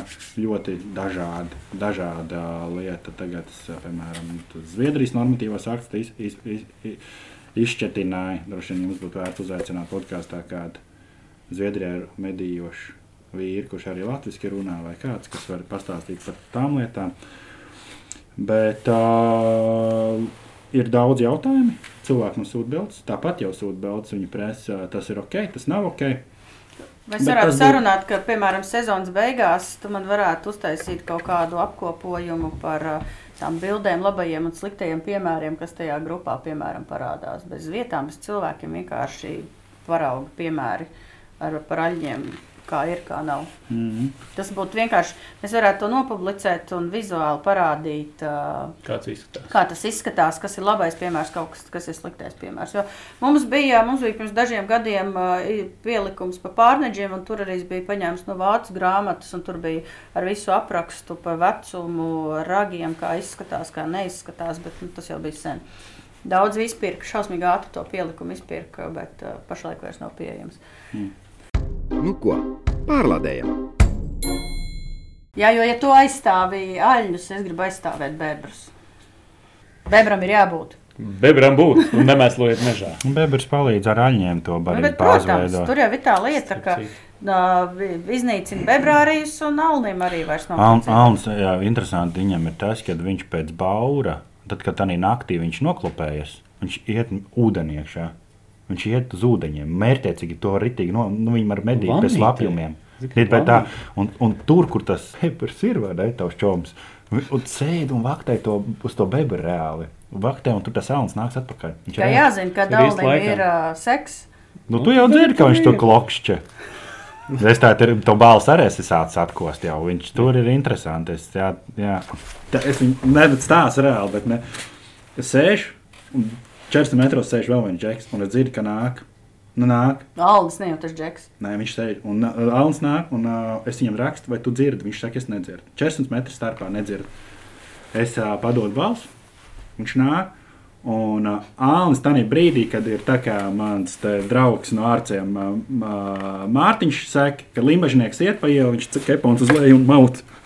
Alans tieši tāpat. Tad, kad viņam ir mērķis, viņš iet, un viņam ir starpsitiena vēl klokšķi pa vidu. tā. Bišķi dīvaināk tā skaņa. Un viņš nāk, nāk, un tūlīt jau būs klāt. Un trešo reizi mūžā dzirdēju govi, ka viņi tā "Ī, noīd, tā gāri noīd. Čoms, čik. Un, dāmas. figu nocēla no to draugu. Protams, viņš droši vien nebija nekāds tur īpašais eksemplārs, bet tā piemānīšana tā ir. Tā ir forša šo var atstāt, vai ne? Var. Protams. Protams, tā, labi. Protams, mēs, obligāti. esam, mēs esam sākuši pirms gada ar tevi par šo jautājumu runāt. Ir konference bijusi. Kāds ir tavs, kāda ir tava sajūta atgriezeniskā saite no medniekiem par šo gadu? Kas ir varbūt mainījies, ko tu esi savādāk ieraudzījis? Kaut ko? Uh, to, ka es neesmu viens. To, ka ar Alni apsēs neesmu viens, kad ir pilnīgi visā Latvijā ir traki džeki, kuri saka, hei, klausieties, tas nav vairs forši. Mums ir kaut kas nepieciešams valsts mērogā darīt kur uh, džeki ir desmit gadus aļņu reāli saudzēšanu veikuši savā iecirknī, blakus iecirkņos. Un ar šo te, kad ir nokļūdījušies ruskaitē un aļņu populācija ir nosist zemē, tie smuki aļņi ir izšķārtējuši. Kad džeki vienkārši pasakā tā, pie galda sēdēšana un pļāpēšana nestrādās. Pat ja mēs savācam visu kopā, ir no, ta, es citēju mednieks. Es mhm. citēju mednieks, kuri vienkārši saka, ir jābūt rīkiem, vai tā ir zemkopības ministrijas rīkojums, kārtība, vai valsts meža dienesta, vai normatīvā aktos citos, ir jābūt veidam, skaidri pateiktam, kā un ko mēs darām ar aunu. Respektīvi, ir jābūt uzbūvētai aņu apsaimniekošanas stratēģijai Latvijā ar konkrētiem mērķiem. Tas nav viens dienas darbs, Cik ilgi, nu, piemēram, cik ilgā laikā mēs tagad, uh, 2, 3, 4, 5, 6 gadi, mēs varam atkal sākt domāt, ka tā, tas kritums tā apstāsies, nostabilizēsies un varbūt tās sāks iet uz augšu vai paliks tāds pats, vai turpinās vēl krist. Man patīk tas, ko es arī saklausīju no medniekiem, kad šobrīd viņiem, nu, tā kā teica, ka Zviedrijā iedēva iepriekš 15 savilcējus, nu, tās, tās atļaujas, un šobrīd iedod 4. Viņi pasaka, mēs vienkārši aunu nemedīsim fantastiski piemēri, kur viņi saka, vienkārši nav mums ko medīt. Mēs jau viņus esam parūpējušies, izkāvuši. Un līdz ar to pašu, ja, ja mēs paši esam saimnieki savā mežā, mēs to almu varam dabūt atpakaļ. Un gan ātri. Alnītam dzimst jau pieaugušai govī divi teļi. Un uh, iedod govī 3-4 gadus izaugt, un viņi jau uh, to populāciju mēs varam ātri uzskrūvēt. Jā, tur atpakaļ. nebūs citi, kas sēž. Mm -hmm. Visādi četrkājaini, divkājaini. Jā, nu, arī mums ir lāča populācija, jāpiemina vēlreiz. Noteikti lēts ir. Uh, jūs varat citas apstākļus un aspektus apskatīt, bet attiecībā no alni nu, pilnīgi skaidri ir kanāts pētījumi, kad uh, lācis specializējies uz āņu teļiem. Mēs esam arī atraduši, man ir uh, vīri bildsūtījuši, kur ir briežtaļi noplēsti. Acīm redzot, ir vietas, kur ir uh, un arī uh, tam pašam pieminētajam Mārtiņam. Uh, kur uh, gaļas lielopu ganāmpulku lācis konkrēti apmeklē. Kā, uh, un arī teļus paņem. Viņš specializējās uz kaut kādām sugām, un, un tas dzīvnieks gadu laikā var nolasīt pietiekoši. Nē, mēs gribās. Es gribās, un tā kā tā populācija ir 100 plus dzīvnieki Latvijā. Neoficiāli nē. nē. Oficiāli nē, oficiāli 60, 90. Tā brīdī, kad bija par 10 oficiāli, tā brīdī, jo tās dzimšanas pēdas un visas lietas, es jau strīdējos jau tad, kad ir daudz lielāks skaits. Bet tā ir Jāņa kompetence, lai viņš šo skaitu nosaka. Viņš nestrīdēsimies par skaitu, bet Alnis ar Lāci ir jāmeklē risinājumi. Un arī tādā pašā Alnim, protams, arī vilki kā nedaudz izdara. Dati precīzi nav, nu tā kā ritīgi, bet, bet tenis izkārnījumos ir arī āņi. Nu, ko nu tad ir jau, tad jau mēs beigās paliekam pie tā, ko zaļie saka, nu samazināt postījumus, jāļauj ir aļņiem, jāļauj ir vilkiem un lāčiem jā, jā. pieaugt skaitam, un viņi visu apēdīs, visu nostabilizēsies, daba visu izdarīs. Nu, no, tam medniekam, medniekam ir jāsāk nezinu, nodarboties ar fotografēšanu, kulināriju vai glaznošanu. Mm. Nē, noteikti. Sarkasms. Sarkasms, bet, bet arī es nezinu, ko domāju vārdu zaļie, bet arī viņi visi pārvietojas, visa sabiedrība pārvietojas ar automašīnām. Automašīnas skaits joprojām pieaug, satiksmes intensitāte joprojām pieaug. Radari varbūt ātrumu samazina šobrīd, jā, bet uh, lielie pārneģi joprojām ir sabiedrības uh, nu, apdraudējums. Nu, kā, uh, mednieki ir tie, kuri var tādā veidā arī sabiedrībai palīdzēt. Nu, palielinot, palielinoties lāču skaitam, arī lāči ies bojā ceļu satiksmes negadījumos. Nu, dzīvnieki principā daudz mm. iet bojā. Kur ir liels blīvums tur? Interesanti ir tās kartes, ko parāda par dzīvnieku, kad ir ap Daugopili jau prēzekne. Ir lieli, uh, liels skaits ir dzīvnieki un, uh, un arī virzienā no Rīgas uz Lai kartē. Un tur Platona vilcis elē, kad uh, tādīs vietās, tādā pašā laikā, kurzemē, kur ir milzīgs uh, briežu skaits, tur tās kartes nav tik, nav, nu, nav, nav tik spilgti un tik daudz tie negadījumi ir. Nu, to, ko esmu redzējis, tā tas nu, apkopots. Tā kā tur arī daudz jautājumu ir. Izrādās, ka mums ir jautājumi vairāk nekā atbildžu. Pētījumus var O, uh, veikt ļoti daudz. Mums ir diezgan liels informācijas trūkums, bet tas viss prasa laiku un naudu. Bet ir konkrētas lietas, ko mednieki jau šodien var sākt darīt. Nosauc dažas konkrētas lietas bez, bez plašas retorikas. 1, 2, 3. Ko darīt? Ko darīt? Nu, droši vien jā. sāksim nu, to, kas viņiem rīcībā ir. Visi liek kameras, visi fotografē. Tās bildes, kas ir ar aļņiem, lieciet uz galda, izdiskutējiet kolektīvā vidū. Numur viens. Numur divi. Katru pavasari ejiet viņu skaitīt. Paši esat saimnieki. Tas jau būtu. Numur trīs. Ļaujam Alnam izdzīvot. Tas nav numur trīs, tas ir numur viens. Ļaujam izdzīvot. Šādu eksemplāru laižam garām. Lūdzu, laižam garām. Lai viņam ir varbūt pieci, seši žuburi. Laižam viņu garām. Un, un ja jāmedī, tad medījam Jā. maziņus ar maziem, maziem puķīšiem. Ne, Nu, teļus, Teļus, puķīšus. teļus, puļķīšus. Uh, par puķīšiem droši vien arī daudz jautājumu mums ir, bet uh, nu, tādas mazas lāpstiņas, kas ir. Es pašam personīgi man tie apaļraži dikti ne, nu, tā, ne, tā kā vairāk nepatīk, vairāk tās lāpstiņas gribās redzēt, bet tā, kā es saku, ja sievas platmoli jūs uzlieciet virsū un rāga neredz, tad, nu, tad baigi priecīgam par to trofeju nevajadzētu būt. Ļaujiet viņam izaugt kaut kāds 5, 6 gadus, un tas skatāmies uz priekšu, tā kā visi apkārt. Tā mums ir obligātā informācija. Ir iznācis jaunais mednieka gads, šā gada trešais, pēdējais pielikums. Runājam ar dažādiem kolektīviem, dažādi mednieku stāsti. Mūsu korektors mīļākais izdevums šis ir. Bet daudz pozitīvu pieredzi no dažādiem mednieku kol- kolektīviem, pa vidzemi un bišķiņi arī pa kurzemi. Tā kā varat lasīt, ja jūs abonējāt. Un, ā, kopā ar pielikumiem bija pastkastītē jau jābūt, ja nemeklējat preces tirzniecības vietās, ir arī elektroniskā versija pieejama, un pats svarīgākais, ka šobrīd mums ir abonēšanas kampaņa, un ja jūs gribat nākamā gadā saņemt ne tikai žurnālu, bet trīs pielikumus, tad ir jāabonē kopā ar pielikumiem.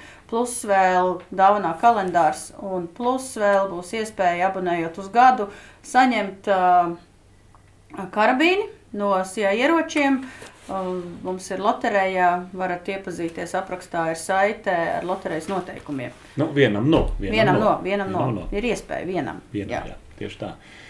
Tā kā ja jums patīk šī epizode, zinat, kas jādara. Ja? Spiežam laikus, izplatām izplatījumā, šārējam.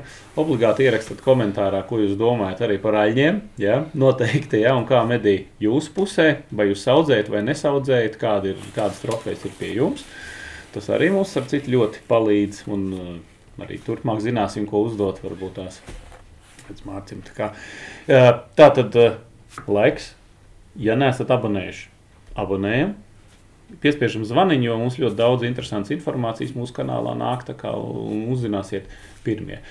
Un, starp citu, jā, ir ekskluzīva iespēja, abonējot un samaksājot nelielu naudu mēnesī, tad uh, tiksiet pie ekskluzīva, uh, ekskluzīva materiāla, jā, kas būs tikai jums, un, un uh, podkāstu jūs redzēsiet vēl pirms trešdienas. Kaut kā tam Pirmdienās parasti. Pirmdienās parasti, jā, tieši tā. pir- Pirmdienās. Tālāk, tā kā draugi mīļie, šaujiet garām. Un, ja jums interesē un uztrauc aļņi, tad aprakstā ir uh, saite uz Mārča aļņu grupu. Jā, jā, jā. jā, jā. Tu varētu arī aizsūtīt Indulim QR kodu, ko mēs uzlikām uz ekrāna. Un uh, pats galvenais - nemeslojiet mežā, nemeslojiet nekur. Ja, kā, ja redzat, ka kāds to dara, aizrādiet un savāciet savus. Marci? Mārci? Paldies! Tik lakoniski. Čau! Ņemamies nost. Masts beidzies.